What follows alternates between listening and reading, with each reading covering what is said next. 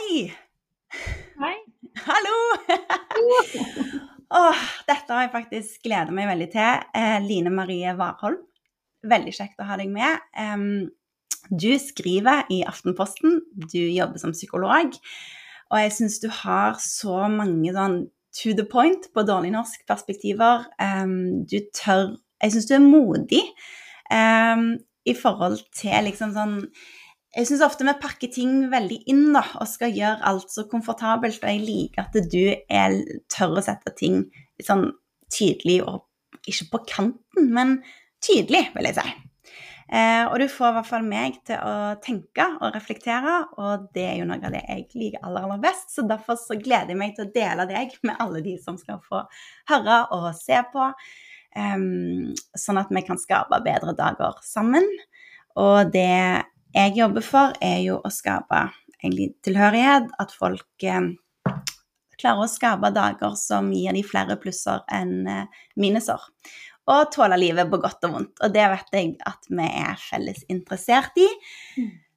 Du har òg skrevet i hvert fall to bøker.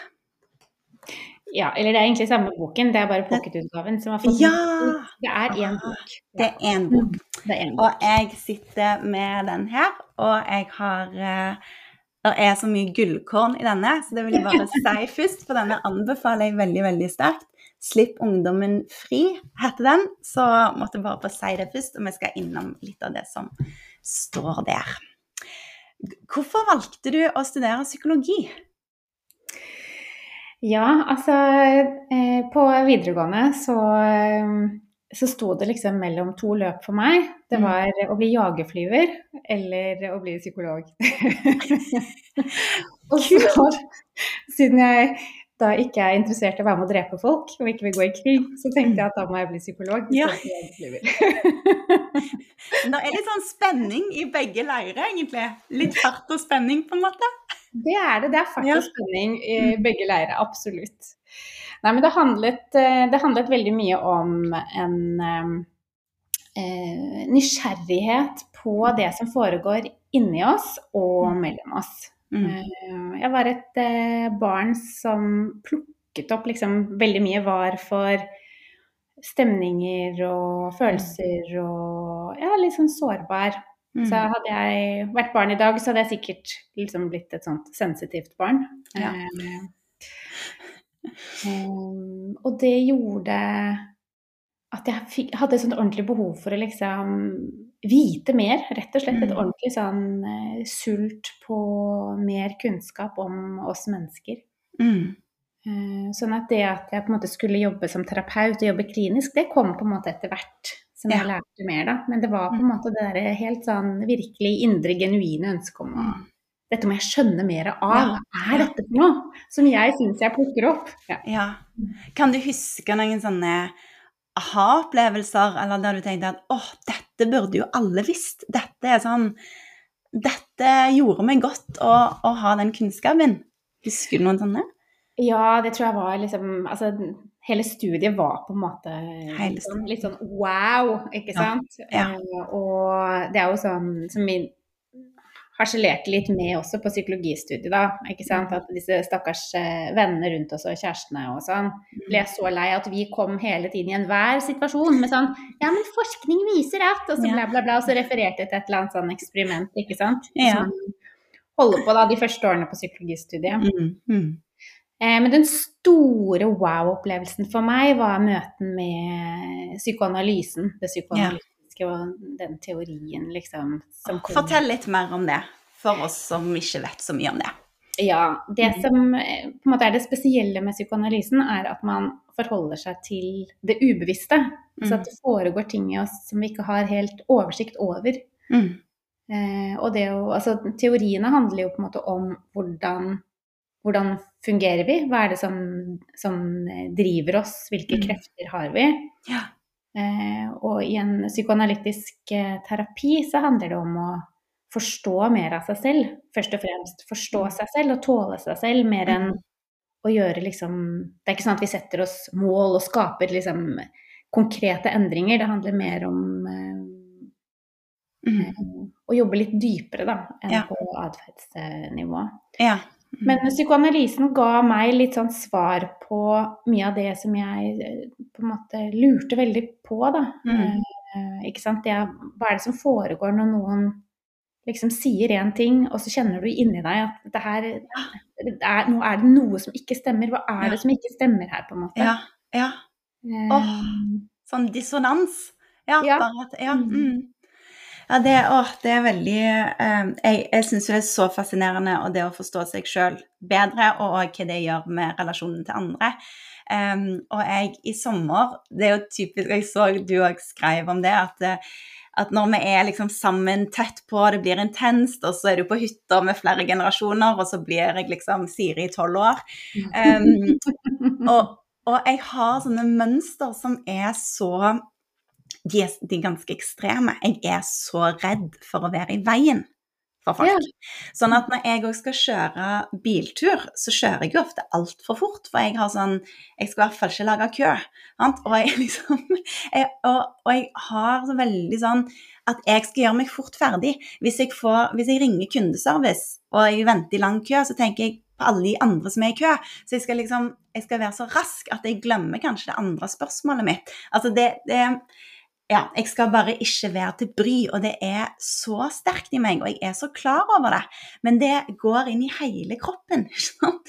Og, og ungene mine ser det jo, og de er veldig klar over det, og vi snakker om det. Og jeg liksom, og jeg, jeg tror jeg vet noe av hvor det kommer fra, men det er bare så interessant at for det om jeg har kunnskapen, bevisstheten rundt det, så det, så er liksom reaksjonen den samme, da. Hvis ikke så må jeg trene meg veldig på å stå i det ubehaget og føle at nå Siri, nå lager du kø. Liksom, dette er gøy. og det er så ubehagelig. Ja.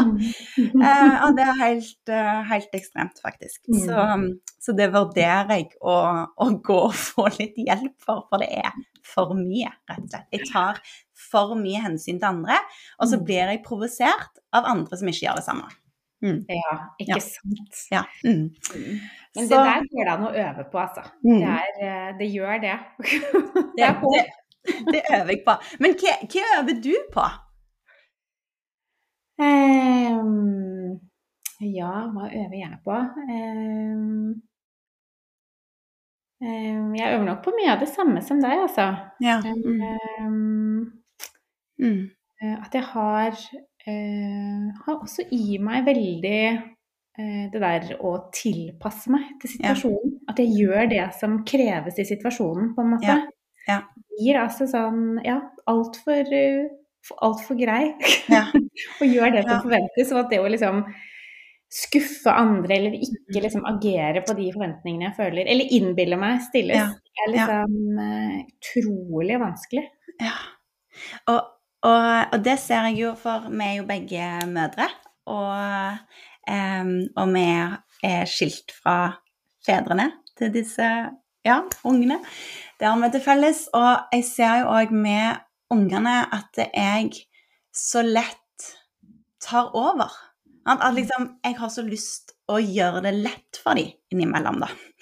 Og, og det, dette vet jeg at du skriver mye om. Det der at vi liksom blander oss for mye i ungdommene våre sine liv. Kan du si litt om det? Ja, jeg tenker at, eh, at vi som er foreldre i dag, vi, eh, vi vil liksom så gjerne at barna våre skal ha det bra. Mm. Ja, og så vet vi ganske mye om hva som skal til for at de skal ha det bra. Mm. De fleste av oss har tid og penger til å gi barna liksom mye av det de ønsker seg. Mm.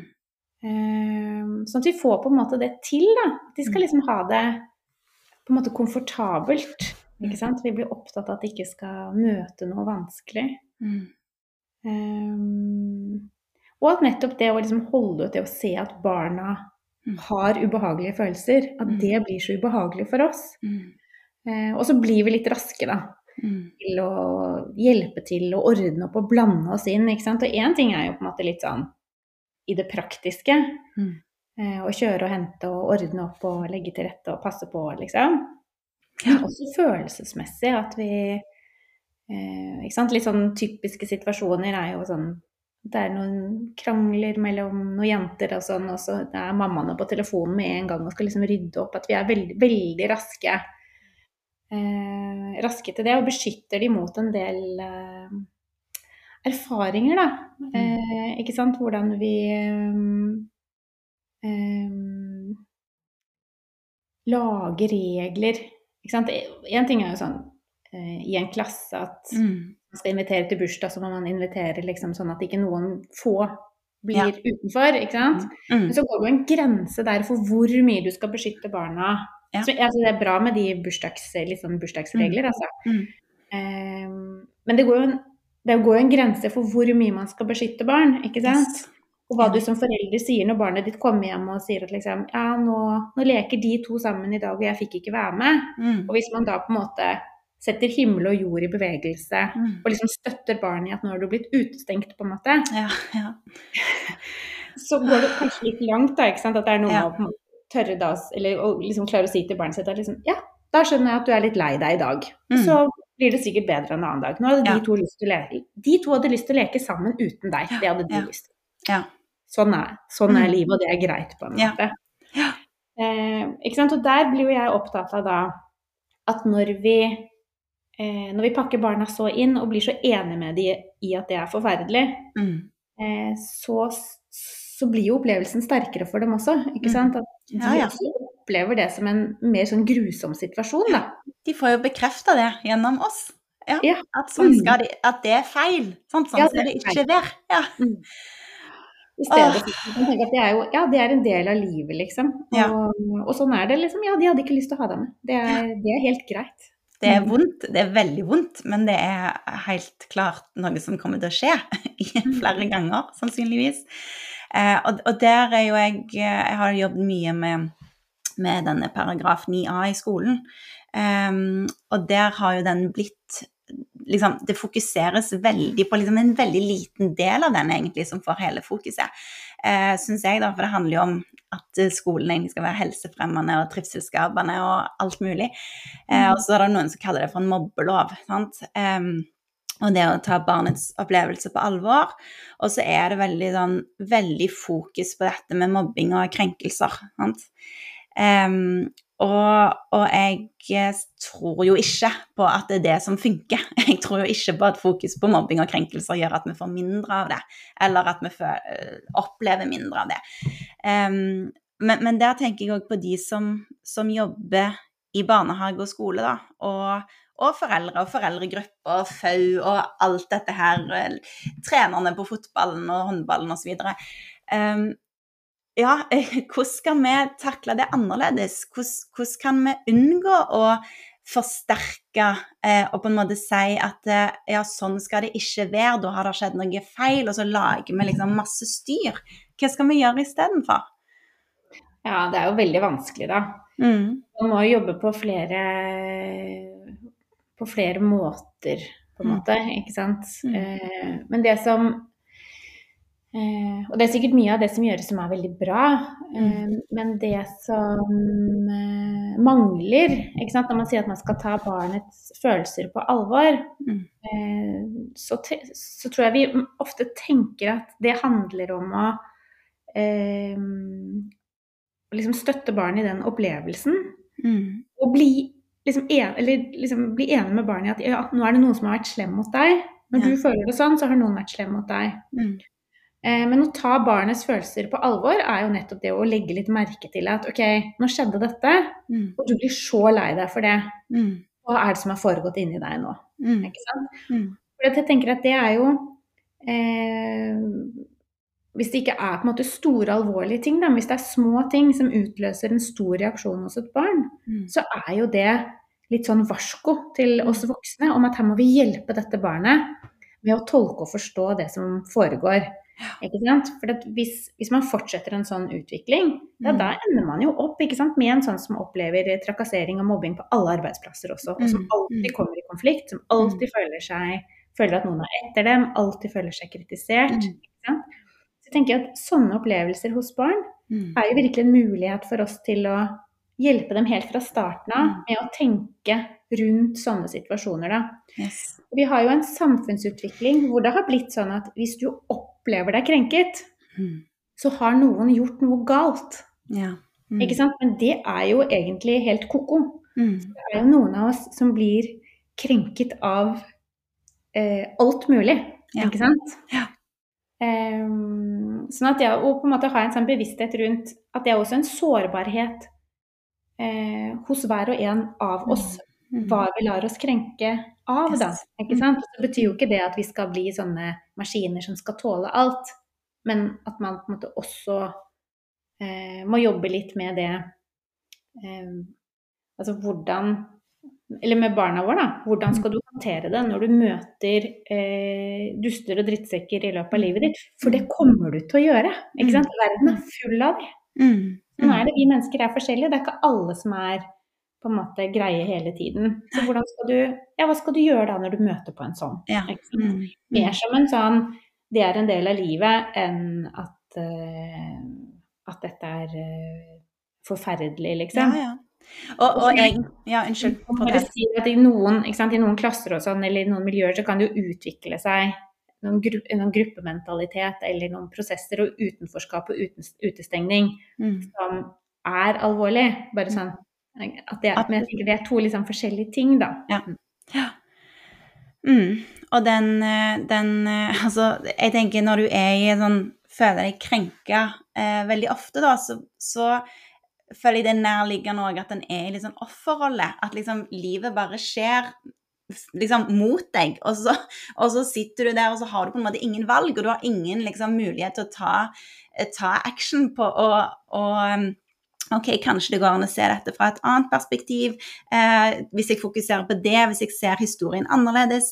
Um, og jeg har delt mye om, om mitt utenforskap, da, for å si det sånn. Um, og det er en historie som mediene òg liksom, Det har vært overskriften at liksom, fra mobbeoffer til gledesspreder. Siri hadde ingen venner før hun ble 17 år, bla, bla, bla. Uh, og det er en historie som jeg kan forsterke. Og, og det gjør òg at jeg i dag, liksom 20 år seinere, fortsatt kan kjenne på uh, utenforskap og sånn. Men, men så kan jeg òg liksom og, og dette tenker jeg er nyttig for oss alle, egentlig. Så jeg kan òg forsterke andre ting i historien min. Altså, jeg kan se på alle de fine sommerferiene. Jeg kan se på at jeg faktisk klarte å mestre veldig bra en idrett. Det ga meg masse. Jeg kan jeg kan fokusere på de andre tingene og gjøre den historien sterk og, og vise at den er òg en del av meg. Um, og der tror jeg vi som voksne liksom har mye å gå på, da, i hva historie er det, hva narrativ er det vi tror på, og hva har liksom blitt sannheten om oss. Mm. Um, og jeg tror det går an å hente mye styrke der, og se etter alle mestringsopplevelsene som har gjort at vi er den vi er i dag, da. Mm. Ja, og så tenker jeg at det trenger jo ikke å gå på bekostning av hverandre, det å Mm, gi noen ikke sant? For det handler jo ikke om at vi skal bagatellisere opplevelsene, mm, ikke sant. Og um, altså den opplevelsen av å ikke ha noen venner, mm, eh, det vet vi jo fra forskningen. At barn trenger ikke mange venner, men alle Mm. trenger én god venn. Mm. Det er på en måte den store forskjellen. Eh, Så det handler jo ikke om å bagatellisere barnas følelser, vi må møte dem på de følelsene, Mm. ikke sant. mm, Men kunsten da, som du sier, er jo nettopp å liksom ikke eh, slippe de over i en sånn offerrolle, mm. men nettopp hjelpe de til å ta kontroll over situasjonen. At selv om dette skjedde deg nå, Mm.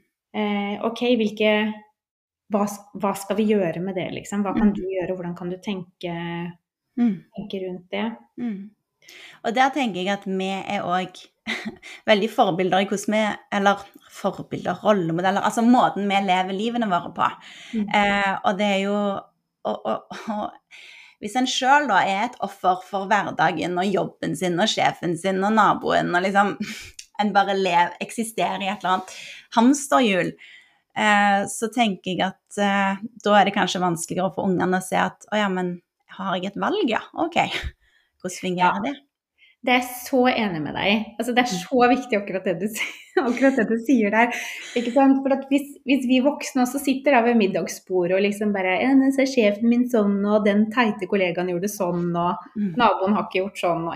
Hvis vi holder på sånn, Mm. så blir jo det Det er jo en, et blikk på verden som, som det kan være fort gjort at barna tar over, da. Mm. Jeg tenker sånn også så Så hjelpsomt det er for barna å se at vi voksne kan tenke litt sånn eh, Ja, nå skjedde det og det, og jeg lurer på, jeg lurer på om eh, han ikke har det så bra for tiden. Han virker liksom litt sånn Han virker litt kort, og noen ganger så lurer jeg på om han liksom er sur på meg, at jeg ikke gjør det bra nok, eller sånn. Men jeg lurer litt på Kanskje det er noe som foregår i hans liv også. Altså, hvis, vi, hvis vi viser barna at vi kan reflektere på den måten, at, man ikke, at ikke vi tar liksom bare alt sånn superpersonlig med en gang. tror veldig, det tror jeg er veldig godt forbilde. Og, mm. eh, og jeg tenker at um, ikke sant, hvor, For én ting er jo at vi føler at verden er imot oss, men også mm. hvorvidt vi har et sånt dømmende blikk på andre. ikke sant? Eller om man klarer å se folk mm. eh, med et litt sånn empatisk blikk, da. Mm. Så tenker jeg at det også gir helt sånn ubevisst barna en opplevelse av hvordan man blir sett på. ikke sant? Yes. At de forestiller seg at det fins andre mennesker der ute mm. som tenker sånn som, sånn som vi gjør hjemme. At uh, folk skjønner jo det, eller folk tenker jo, ikke sant. Ja. Det er utrolig mm. viktig, altså.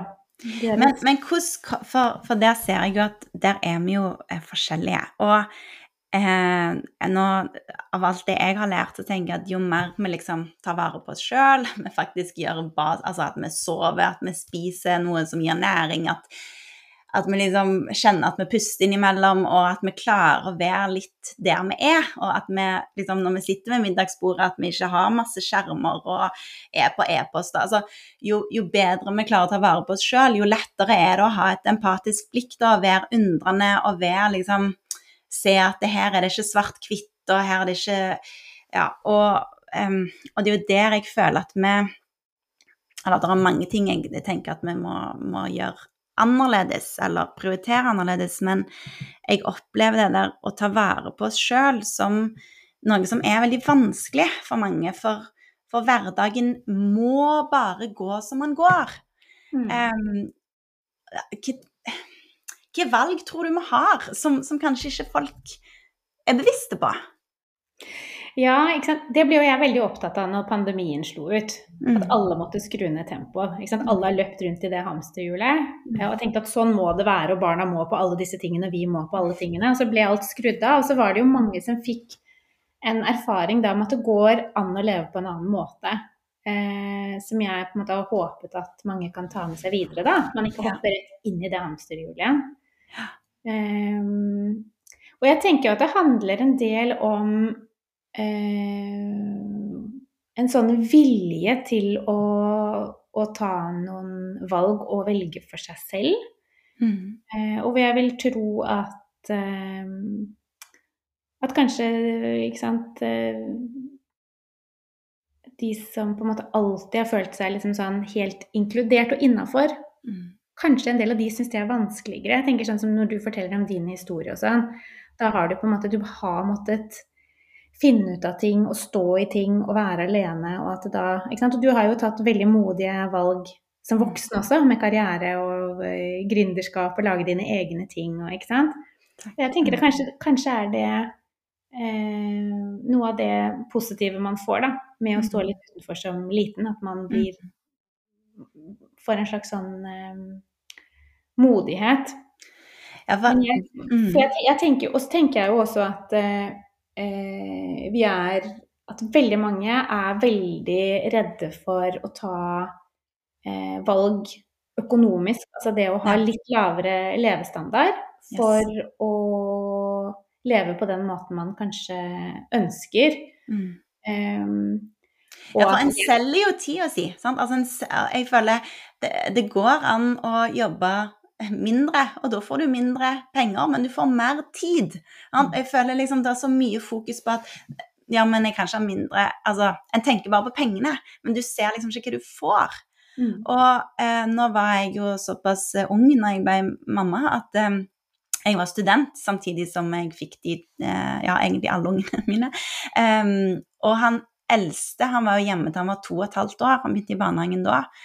Eh, og det var jo eh, Så jeg hadde jo to små da, hjemme samtidig. Og det er jo for meg nå er det bare et sånn Jeg husker veldig lite, for det var veldig intenst, selvfølgelig var det det, men, men jeg er så glad for det nå.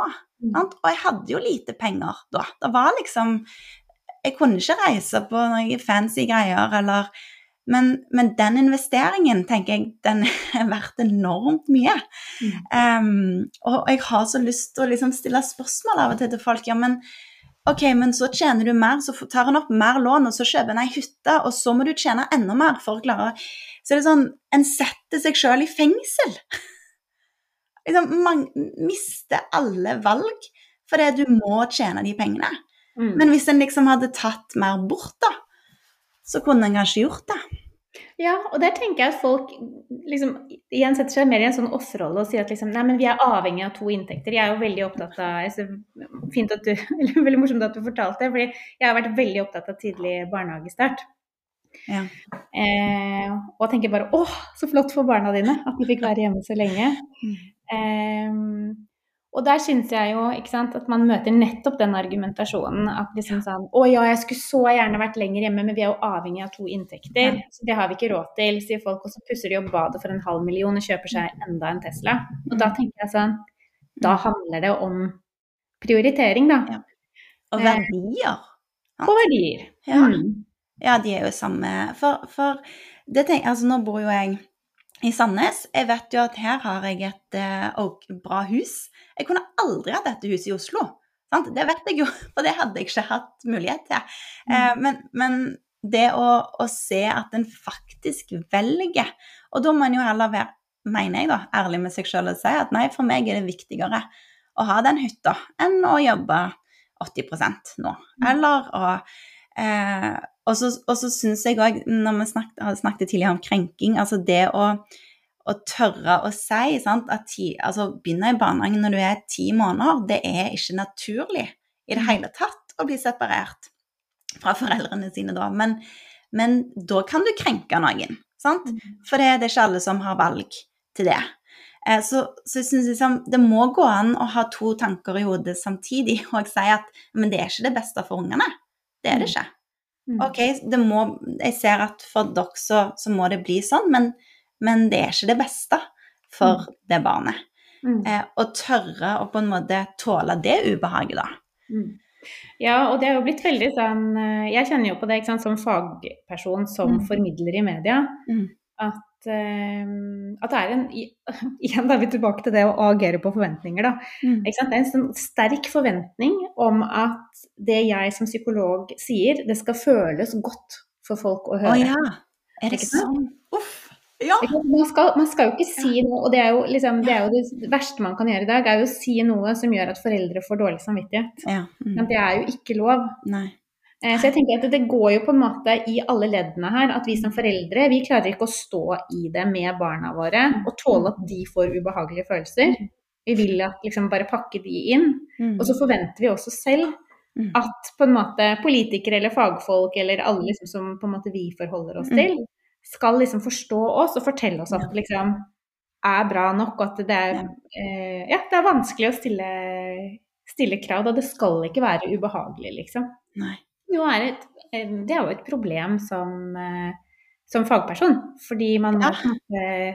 tenke man har et ansvar for å forholde seg til, eh, til det man tenker mm. er bra for barn, da. Mm. Det er barn man snakker om, liksom. Mm. Og det har jeg syntes har vært rart når jeg har lest alle de foreldrebøkene jeg har skrevet en sjøl òg, mm. at um, at liksom du, du, har ikke lov å altså det, der, sant, det er jo masse sånn greier om mammapoliti, og så er det Men, men det um, Og jeg leste nettopp en artikkel i går i The Guardian om For det er jo fortsatt lov i England å slå barn hvis du har god grunn.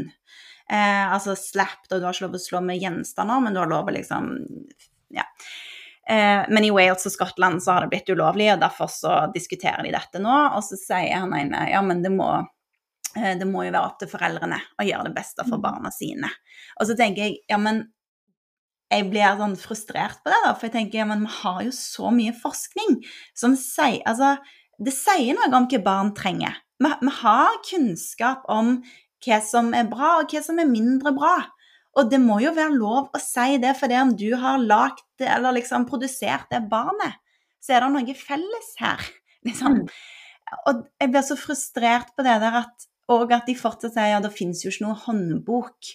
Jo, men det fins en håndbok her, det fins en håndbok der. Det fins faktisk ganske mange håndbøker og, og bruksanvisninger på hva som er viktig.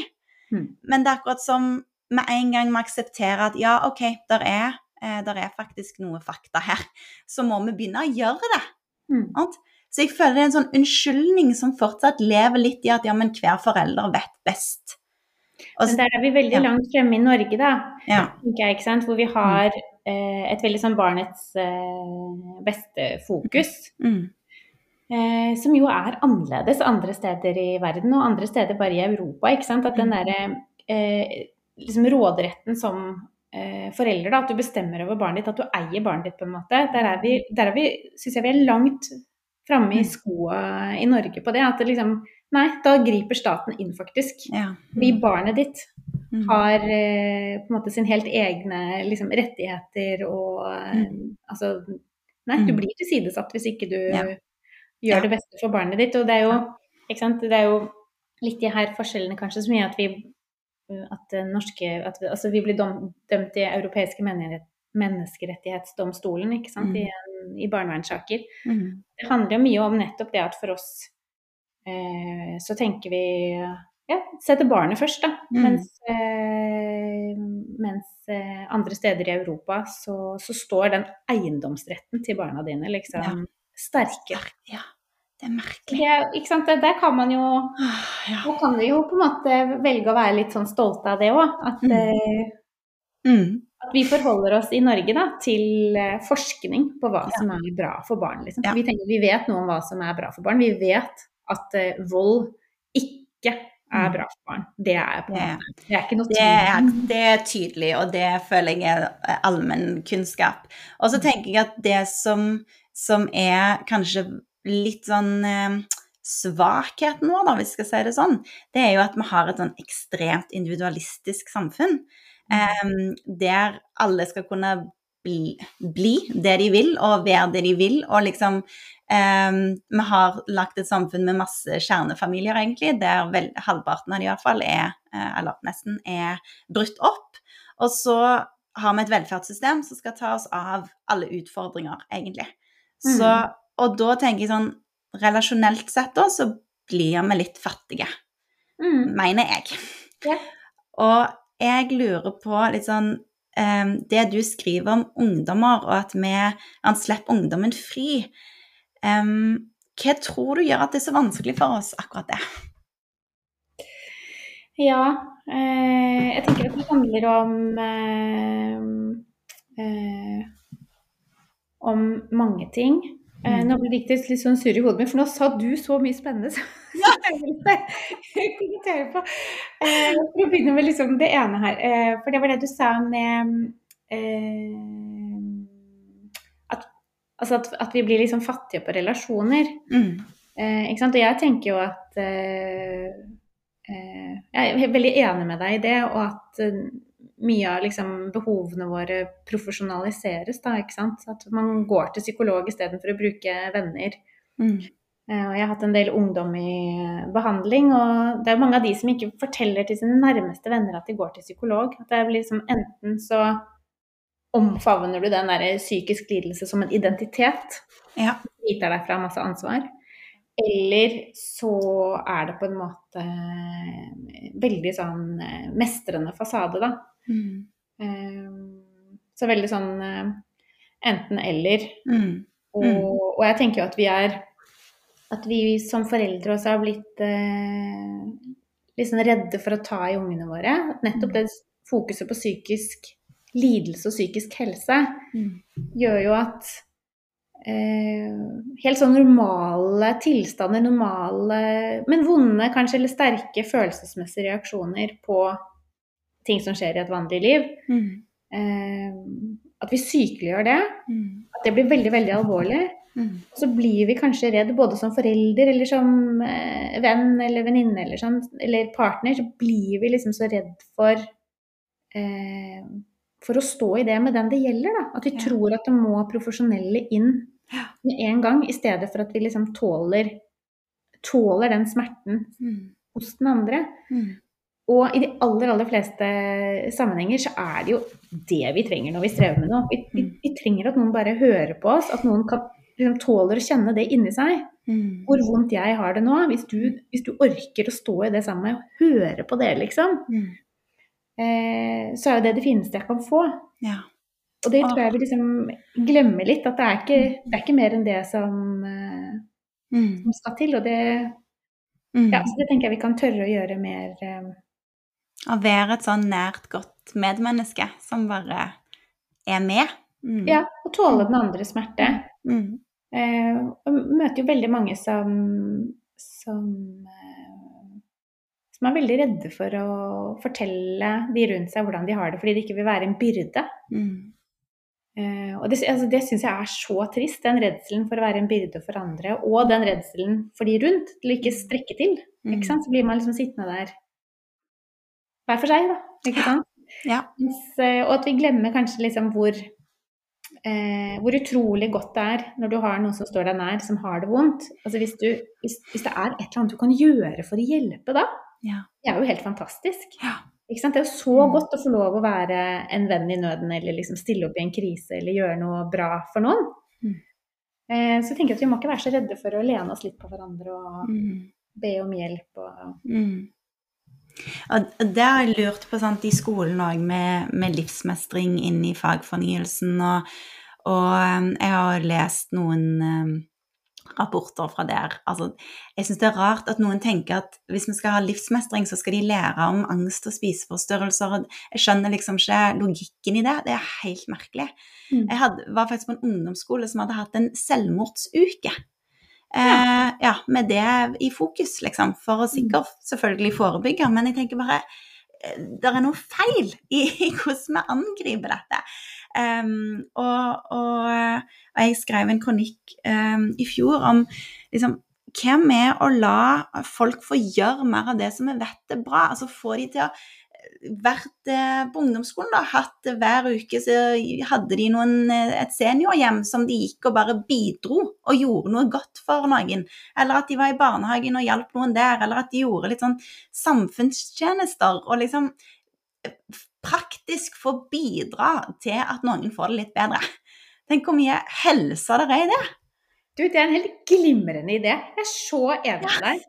Ja. Det er liksom hvordan bare fylle på litt sånn positiv følelse inn i de barna og ungdommene. Ja, få Ja. lov å gjøre noe godt. Så, og jeg tenker for de som ikke får med seg det hjemmefra, mm. å få den erfaringen at hvis du setter deg selv litt til side Yes. og bidrar for noen andre, Ja. det er den enkleste, flotteste, billigste veien til litt gratis lykkefølelse. Ja, og det skriver du her òg. Legg mindre vekt på hva ungdommen er, og større vekt på temaer som medmenneskelighet, samfunn, politikk, religion. Altså, tenk også det der Få fokuset vekk fra egne øyenbryn og hofter og, og Snapchat, liksom. Altså, og, og jeg undrer meg sånn over hvorfor vi ikke gjør mer av det. Altså, og Mm. hvor lang tid skal det ta? For det, liksom, å få det praktisk inn eh, i Og det, derfor jeg liksom, har noen sånn gledingspatruljer i barnehage og skole der de går rundt og gjør gode ting for lokalsamfunnet. Og det tenker jeg liksom det, ja, Vi må gjøre mer av det som er bra for livskvaliteten vår. Ikke nødvendigvis lære så mye mer om liksom, teoretisk punktene, men vi må få tid til å erfare det og liksom få det inn. Og det brenner jeg veldig for. Ja, det er så bra, altså. For det er så viktig. Og det er jo helt sånn feilslått at vi, når vi har det der veldig voldsomt alvorlige fokuset på hvordan barna har det hele tiden Ja. eh, Ikke sant? Eh, at det liksom Det å bli så selvsentrert da, som barna blir, og så opptatt av hva de er og hvem de er, og Mm. eh, bare å holde på å bale rundt med det, altså det er jo nødt altså jeg tenker, det er jo nødt det er jo nødt til å bli ulykkelig av det. Ja. Ikke sant? Ja. Og det der å løfte blikket litt og være en del av noe større, brenne for noe politisk, eller glede andre, eller Ja. ikke sant. Gjøre sånne gode ting, det er jo så viktig, og noe som virkelig, virkelig eh, mangler, altså. Ja. Ja, men da får vi stå på for dette, Line Marie. Vi får, vi får jobbe videre på det. Men, men hvis du har noen som hører på nå, så har de ungdommer, og så syns de kanskje den overgangen fra barn til ungdom var litt vanskelig, og så begynner en liksom å tenke på at de snart kanskje flytter ut, og er bekymra for hvordan det skal gå med de, og og syns det er kjipt når alle spørsmål blir besvart med liksom mm, og nei og bare noen. Um, hva har du lyst til å Eller ja, hva, hva, har du lyst til å si til sånne foreldre? Hva, hva kan de um, Hvordan går det an å se på den ungdomstida litt annerledes, eller hva verktøy kan en ha for å, å, tåle den smerten bedre, da? Ja, ja jeg tenker jo at um at man, man, nettopp når man får de der liksom uh, gryntene, da, uh, prøve å tenke litt liksom, hva, hva, er det som foregår her nå? Mm jeg tror veldig mange først og fremst bare føler seg som uh, en uh, dårlig forelder. Eh, som har liksom mista kontakten med, med, ungen sin. At vi er veldig opptatt av å komme tett på dem, og at de skal fortelle oss alt. Og, og at, vi, ja, at man skal være så tett, da. men det er jo en helt naturlig løsrivelsesprosess som skal foregå i ungdomstida. Mm. Eh, sånn at det at barna liksom skyver deg litt ut og liksom verner om sitt eget og vil ha sitt i fred, det er jo egentlig eh, veldig sunt. Mm. Og faktisk ganske vanskelig for de foreldrene der det ikke skjer. Ikke jeg ja. snakker med mange foreldre jeg som, som, trenger hjelp til å få barna til å flytte hjemmefra. Ja, ja. For barna vil jo ikke ut. De Nei. vil liksom langt opp i 20-åra. Det er så hyggelig. Det er så hyggelig der hjemme. Og de foreldrene er så drittlei og vil ha de ut. Det er jo ikke alle som vil ha de ut heller, da. Ikke sant? Men, ehm, men, at det er jo helt naturlig at man eh, at man skal søke utover. Mm. Um, og man kan jo, altså hvis man eh, kan ha gode samtaler og, og, ha det hyggelig sammen, så er jo det jo kjempefint, det. Mm. Eh, det er ikke det at det er noe galt, på en måte. Um, men, men, det å tåle på en måte den avstanden øker. Hvis den gjør det, da, så kan mm. det egentlig være liksom ganske sunt. Og kanskje da det barnet har liksom behov for eh, å sette noen tydelige grenser for seg selv, eller for foreldrene sine. Mm. For å liksom finne ut av det eh, på egen hånd. Og at det kan være en veldig sunn og, mm. og viktig prosess. Eh, og så handler jo på en måte det eh, også litt om hvordan vi tilrettelegge for barna våre praktisk, mm. ikke sant. Eh, både i forhold til det å eh, liksom, ha, venner hjemme, eller eh, liksom legge til rette for barnas sosiale liv, eller mm. at eh, vi som er foreldre, vi blir jo så opptatt av at barna skal ha masse venner og ha masse gøy. Mm. At vi også legger et ekstra press mm. på ungdommene om at at, at, at, det sosiale livet skal være så veldig ja. spennende. Ja. Um, og mange ungdommer opplever jo det som et press, noe de må prestere. Det å ha et sosialt liv. Men når vi liksom legger veldig veldig til rette. Da. Og jeg vet mange foreldre som eh, låner bort bilene sine, de vasker barnas klær, handler mat, lager middag. Altså det er, selv om barna liksom er voksne, så bor de fortsatt på hotell, omtrent. Mm. Mm. Og får liksom styre alt. Mm. Eh, og da er det jo heller ikke noe rart at barna flytter hjemmefra. Så det er jo noe med at det er en helt sånn naturlig utvikling når barna blir eldre. At de blir irriterte på foreldre som er hjemme, at huset ikke er ledig, at, eh, at det er regler, at de kanskje må være inne til en eller annen viss tid. Alle disse tingene som kan frustrere ungdommene våre, mm. de er jo kjempenyttige. For det er jo motivasjonen til å gidde å flytte hjem. Bo på hybel, bo dårlig, ikke sant? Mm. mm skaffe seg en jobb og mm. få det til å gå rundt. Klare seg selv, ikke mm. sant. Ja. Som jeg tenker er kjempeviktig, da. Mm. Og veldig bra Altså det i seg selv er jo liksom eh, viktige erfaringer. Ja. Og det er der jeg tror at noen kanskje kan bli for knytta til sine egne barn. Sant? Det er jo alltid snakk om tilknytning i barnas tilknytning til forelderen. Men liksom motsatt vei, da, så tror jeg at, eh, at vi av og til kan kan kjenne at åh, oh, ja, men ungene er jo alt for meg. sant? Eller de, de blir på en måte så eh, Altså, det å please egne barn blir nesten en sånn måte å føle seg elska på, ikke sant? At liksom, å, nå, Og det kan jeg innrømme at det gjør jeg av og til sjøl. Akkurat som sånn siden de har to hjem, da. Så når de kommer til meg, i hvert fall sånn de første dagene, så lager jeg jo liksom egg og stearinlys til frokost og gjør det kjempehyggelig. sant? For jeg har så lyst til at nå skal vi kose oss. Og det er kjempehyggelig, og de setter pris på det. Og jeg blir glad for at de får en god start på dagen. Så liksom, det er bevisst. Men så merker jeg jo at innimellom så kan jeg bli sånn Men nå, nå skjerp liksom, Siri. Ta noen skritt tilbake. Bare la de, liksom, bare la de holde på, liksom.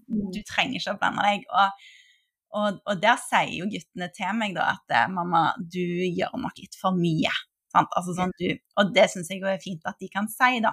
Mm. Men de bare, vi klarer oss med liksom, om du er ja, for I og med at vi er skilt, så har nok jeg vært veldig opptatt av at ok, når jeg bare, bare får være med de 50% så vil jeg være der. Fem, altså, da, da, gjør ikke jeg andre ting de ukene de er hos meg. Um, mens nå når de begynner å bli såpass store, så merker jeg at de er sånn Ja, men man må bare gjøre det, da. Liksom, vi trenger ikke at du er her hele tida. Og det begynner jeg å se at ja, det er jo sant. Så nå kan jeg lene meg litt tilbake og gjøre ting som er bra for meg. Ja. ja, men så morsomt at du, sant, at du, ser det ved deg selv, at hvem sitt behov er dette egentlig? Er det barnas, eller er det mitt behov nå? Det er veldig herlig. Og det tror jeg det er mange som kjenner seg igjen i det, at man trenger den feedbacken fra barna. og og ikke sant, blir redd da for å sette grenser og stille krav til barna. Sånn. Man blir sånn servicestasjon. Ja, ja. og liksom... samtidig blir jeg irritert på det innimellom. Sant? At jeg blir sånn åh, det er jeg som må gjøre alt, og det er sånn, og så ser jeg at ja, men dette har jeg jo lagd sjøl. Dette er min making, liksom. Ingen som har bedt meg om dette. Nei. Men den innsikten, da, sant? det å se seg sjøl utenfra på den måten, det gjør jo òg at jeg tåler det mer. Og jeg ser òg at OK, der Altså Og det, det, er noe jeg liker å gjøre, å ta litt sånn Ta pauser og tenke over hvordan Ikke bare gå på automatgir, sant? men liksom ta en til å si hva er det jeg gjør nå som faktisk krever en del energi av meg, som jeg kanskje ikke trenger å gjøre. Mm. Og, og, det å stille seg de spørsmålene litt sånn jevnlig At OK, men da De kan faktisk vaske doene. Sant? De kan gjøre sånne ting. De kan ta opp Ja. Um, det tror jeg mange hadde hatt godt av, for å si det sånn. Ja, og at det er godt for oss voksne og for barna. Ja. ikke sant? Mm. Fordi veldig mange barn opplever det jo som et press, nettopp den følelsen av at de er det viktigste i foreldrenes liv, og at eh, ok, hvis, hvis, jeg får så mye av foreldrene mine, så må jo jeg prestere. Da må jo jeg være et spesielt barn, mm. siden de syns at jeg er så viktig, eller de gjør så mye for meg. ikke sant? Det er veldig veldig mye press på hva slags person man skal være. Ja. Eh, og for oss voksne også, ikke sant, at eh, ja, det er lettere å ha mer tålmodighet hvis man klarer å sette grenser og stille krav og ha det liksom Hvis man er for mye på tilbudssida, så mm. kommer man jo dit da, til slutt hvor man blir sånn Fader heller, ass. Ja. Kan ikke dere også bidra litt, liksom? og det har jeg av og til blitt fascinert, og jeg er ikke så glad i å generalisere, men jeg må gjøre det av og til, for jeg føler at, at kanskje menn er bedre på å bare si nei, men nå tar jeg meg en sykkeltur i fire timer, liksom, eller nå gjør jeg dette. Akkurat som at det er liksom null problem. Mens vi Kanskje. Det, ha, damer har mer tendens til å bare 'Å nei, men jeg kan jo ikke gjøre det, for det, da skjer jo sånn og sånn, og tenk på det', og Så er det sånn Nei, men vet du hva, bare gjør det. Bare gå ut på den turen. Om du er borte en time, det går fint, liksom. Jeg tror vi har noe å lære av mennene der, da, på å bry oss litt mindre. Ja, det tror jeg. Jeg tror, og jeg tror det er et uh, spesifikt dameproblem. Jeg tror det er verre for, uh, for mange av oss uh, damer. Ja. Altså. Og nettopp den derre Ja, de bare gjør det som en sånn selvfølge, ikke sant. Eller, og så er det noe kanskje i familier hvor man er to voksne, så har man kanskje en arbeidsfordeling også. Mm. Ikke sant? Og hvor mødrene gjerne blir stående inne med barna, og så er fedrene ute og klipper gress eller rydder i garasjen, eller ikke mm. sant. Hvor de på en måte gjør noe praktisk, men på en måte er alene og får en slags alenetid. Eller mm. ikke sant, ja, mm. stikker og sykler, eller mm. Eh, som jo er en sånn sport som tar 100 år, eller golf, eller ski, eller sånne ting. ikke sant? Det er ikke en liten joggetur på 40 minutter, Nei. liksom. det er jo gjerne sånne lange dag. Og det tror jeg Ja, der tenker jeg at, vi, at det er vi som skal lære av mennene, ikke mennene som skal tilpasse seg. Mm, mm. Tenk på hva det er vi kvinner kommuniserer til mennene våre også mm. når vi sier at ja, dere klarer dere jo ikke her uten meg. Du som pappa får jo ikke til dette. Eller til barna våre, ikke sant. Mm. De som har store barn, da. Mm. At eh, jeg tror ikke du klarer deg uten meg, liksom. Altså, de gjør jo det. vi kan ha litt behov for å ja. bli ja. trengt, ja, kanskje. Ja. Så det handler jo om å ha tillit. Mm. Ja, tillit til at folk kan klare seg uten oss. Mm. Mm. Og det er jo en fin ting å lene seg på når man står der og liksom ikke helt klarer å Mm. dra noe sted. At man kan Mm. tenke at ja, men dette er sunt for oss alle. Og, det, og, og det, det tar meg inn på det temaet som jeg ville snakke litt om òg, med tanke på liksom, å ha to bosted eller to hjem, eller å ha eh, foreldre som ikke bor sammen eller er sammen. Um, og jeg, nå er det seks år siden eh, vi gikk fra hverandre, og da husker jeg veldig sånn, bekymring rundt hvordan skal det gå med ungene. Eh, Mm. det var liksom hovedbekymringen. Um, og så vet vi jo at det er konfliktnivået som gjerne bestemmer der, da, litt, altså som påvirker ungene mest, om, om foreldrene bor sammen eller ikke. Mm. Uh, men jeg undrer meg av at Altså, jeg ser mange som får det bedre uh, som voksne, og jeg tror veldig på at når vi har det bra, når vi viser en livsglede og på en måte overskudd, at vi i hvert fall av og til har overskudd, så er det fint for ungene våre, da. Mm. Eh, og derfor så reagerer jeg av og til på sånn De som har et mål om å få ned skilsmissestatistikken, f.eks. Jeg syns det er et rart mål. Mm. Hva tenker du? Ja, jeg er helt enig med deg. Og som eh, parterapeut så er det jo Så tenker jeg jo ikke det, at folk eh, går fra hverandre for eh, fort. Nei. Det som slår meg, er jo mye mer altså hvor eh, Hvor mye liksom tilknytning og tilhørighet vi har kanskje til partner og svigerfamilie og, Mm. og det kanskje liksom familielivet man har laget. At det er altså så vanskelig å bryte opp fra. Mm. Eh, og at det tar, eh, ja, det tar lang tid og er liksom en lang prosess. Og det er jo ofte det, det kan jo være mye oftere det at jeg sitter liksom i terapirommet med et par og tenker sånn ah, så At dere orker! Skal, skal, skal ikke dere bare gå fra hverandre nå, liksom? Ikke sant? At, at jeg blir sånn Jeg skjønner Altså, dere liker jo ikke hverandre. og Dere har ikke likt hverandre på 100 år. Ja, liksom. Hva er det dere driver med? Jeg tenker Ja. jo mye oftere, oftere det. Ja. Um, så at altså Hvis man skal ha skilsmissestatistikken eh, ned, eller eh, antall samlivsbrudd eh, Mm. ned, så Mm. må det jo kanskje heller være at man eh, er mer forsiktig med å gå inn i parforhold. ja. Og mer forsiktig med å sette barn til verden i parforhold som på en måte ikke bærer, da. Ja. Ikke sant? Ja. At, det er der, at det er jo der man må ja, sette inn støtet, på en måte. Og der tenker jeg at liksom Jeg er usikker på hvor tidlig Altså hvor lang tid en faktisk må ha levd, eller hvor mye livserfaring en trenger for å komme der. Men jeg har Liksom, jeg har fått en del aha-opplevelser når jeg har lest uh, liksom, jeg, har, jeg føler jeg studerer kontinuerlig, da.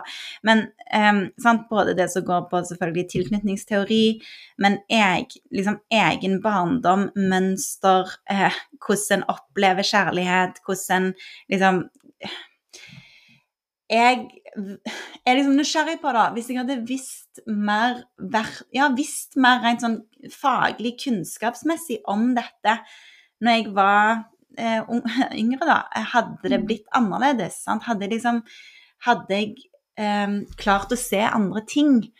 Em, og jeg er sånn som tenker at ja, men jeg hadde den innsikten jeg hadde da, derfor så går, bruker ikke jeg veldig mye energi på å tenke at livet skulle ha vært annerledes. Det er ikke noe jeg gjør veldig ofte. Men jeg tenker liksom den kunnskapen der er veldig nyttig å ha. Sant? Det at jeg vet at jeg hadde noen litt sånn engstelig tilknytningsstil som gjorde at jeg er veldig god på people pleasing og egentlig er ganske redd for å bli forlatt. Da. Hadde jeg hadde jeg hatt den innsikten, så kanskje jeg hadde skjønt mønstrene mine bedre, og så hadde jeg skjønt behovene mine bedre. Um, og så ser vi jo òg, eller i hvert fall jeg har lest mye om at mange går jo i de samme mønstrene sant, i parforhold. Sånn at en ender på en måte opp med det samme eh, resultatet fordi en skifter partner. Fordi en, en forstår ikke seg sjøl godt nok. Um, ja, tror du det er noe der? Ja, ja, og jeg, jeg jobber jo veldig sånn i parterapier, ikke sant. Ja. At det handler om å forstå For jeg tenker jo sånn om alt som skjer med oss, og særlig i relasjoner, at du, du har på en måte det som foregår her og nå. Mm. Eh, og så tapper det alltid ned i de tidlige erfaringene våre. Det vi har med oss fra barndommen, det former jo Det liksom det blikket vi ser andre mennesker med, det, det, former på en måte hva det er du hører, og hva du ser, og hva du opplever. Mm. Og hva du sender ut, hvilke forventninger du har til den andre, og hvilken rolle du tar Mm. i forhold til andre mennesker. Mm. Eh, sånn at eh, Jeg tenker at Eller det er sånn jeg jobber, at, jeg, at, at man alltid må ha med seg på en måte litt sånn hva, hva er det som egentlig foregår her? Er det som, liksom, når, når det blir sånn mellom dere, liksom, hva, hva er det dette handler om? Hva, hva er det det handler om for deg, og hva handler det om for deg? Mm. Og det kan være litt sånn godt også Mm. eh, i et parforhold at man ser at eh, OK, eh, det, er, det er kanskje ikke sånn at du er slem mot meg nå, men at jeg føler det sånn fordi at dette minner meg om noe, eller fordi at jeg har vært så utrolig redd. Mm. Jeg er så redd for å, havne, å få denne rollen i parforholdet, sånn at hvis jeg får litt den rollen, Mm. så blir jeg kjempebekymra, eller ikke sant. Mm. Ja. Um, Ja. så det, det tenker jeg Ja, absolutt, altså. Eh, Det å, Ja, nysgjerrighet på det, og så, og så mente jeg bare tenker, Hvis folk tenkte at jeg vil at eh, folk skal skille seg eller gå fra hverandre, så er det ikke det som er poenget mitt. Men poenget mitt er at eh, liksom At vi ofte måler da suksessen til et parforhold i antall år det har vart. ja. Eh, og det undrer jeg meg over, for det sier ingenting om hvordan de årene har vært. Og, og, og dette, og her er det helt sikkert noen som er uenige med meg, i hvert fall i andre generasjoner, men livet, livet mitt skal ikke handle om å holde ut. Det er ikke det jeg vil skal stå på gravsteinen min, liksom. Hun holdt ut til siste Mhm. dag. Jeg, jeg, og, og, jeg, og jeg tror grunnen til at det er viktig for meg, er fordi at jeg tenker at vi, Det er så mange som begrenser seg og fastlåser seg og går ned i livskvalitet fordi de skal holde ut. Mm. Og så lurer jeg på hvilken medalje er det du skal få for å holde ut, da? Mm. Og når jeg tenker på ungene våre som Og jeg sier våre, for jeg, jeg elsker altså Jeg syns barn er bare de mest fantastiske menneskene på jord. Jeg digger barn. Jeg syns de er veldig inspirerende. Eh, For de er så genuine, og de er så liksom i live. Og så tenker jeg, når de skal se på oss, hvis vi da skal ha sånne parforhold som er helt døde, og vi liksom ikke klarer å ha gnist og litt sånn glede Jeg, jeg skjønner ikke hvorfor alt skal være en kamp, på en måte. Nei, det er jo så vanskelig, fordi at jeg tenker jo at nå har jo eh, samlivsbrudd blitt så vanlig at Mm. eh, det er jo ikke noe katastro... Altså det er ikke noe sånn eh, Det er ikke noe skam lenger, og det er, det er, ikke, noe, det er ikke noe spesielt med deg hvis foreldrene dine skiller seg i dag. Mm. Det er helt vanlig. Mm.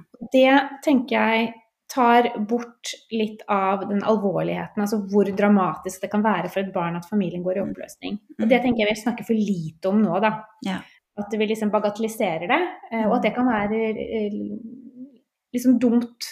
Mm. Eller uheldig for barna at ikke de får helt sånn forståelse for eh, hvor dramatisk det egentlig er. Mm. Det er liksom ene siden. Og så Mm. samtidig så må vi jo huske på at, som du sa i stad, det er jo konfliktnivået, eller det som foregår eh, mellom foreldrene, som er det avgjørende. Mm. Sånn at det å leve i en familie med høy grad av fiendtlighet eller konflikt eller kulde, Mm. det er kanskje enda verre. Mm. Ikke sant? Mm. Sånn at jeg tenker at Det som blir på en måte litt konklusjonen, er at vi må huske på at hvordan vi har det med oss selv som voksne, og hvordan vi har det med partneren vår, Mm. det påvirker barna. Mm. Og I det så ligger jo det ikke sant, å ta det ansvaret for at eh, ja, hvis man bare holder ut i et parforhold og bare dør innvendig, eh, så er det kanskje også det beste for barna at man tar det på alvor og Mm. blir et levende menneske igjen. da. For Mm. barna trenger jo levende foreldre. Ja. Mm. Oh, det var veldig fint. Jeg, jeg, jeg, jeg tror bare vi skal si at det var liksom hele konklusjonen, jeg. At eh, barna trenger levende foreldre, ikke bare sånne som eksisterer i et vakuum eller Ja. Og det er ikke egoistisk å leve, for å si det sånn. Vi trenger, vi trenger at folk uh, gjør det. Ja, Du, det var? Ja. Både i parforholdet og på Mm. andre områder i livet. At vi Mm. tar vare på oss selv og lever. Mm. Så bra. Tusen takk, Line Marie. Jo, tusen synes... takk for at dere kom med. Dette var veldig, veldig hyggelig. Jeg syns dette var skikkelig jeg, jeg koste meg skikkelig, så Jeg òg. Så ja, nei, veldig, veldig bra. Og igjen, eh, du har denne, så den kan eh, folk få tak i. Eh, Slipp ungdommen fri. Eh, masse bra som står inni der, og, og alt du skriver i Aftenposten. Så det vil jeg bare anbefale alle å få med seg. Så får vi si takk for i dag, og ha det bra. Ha det bra.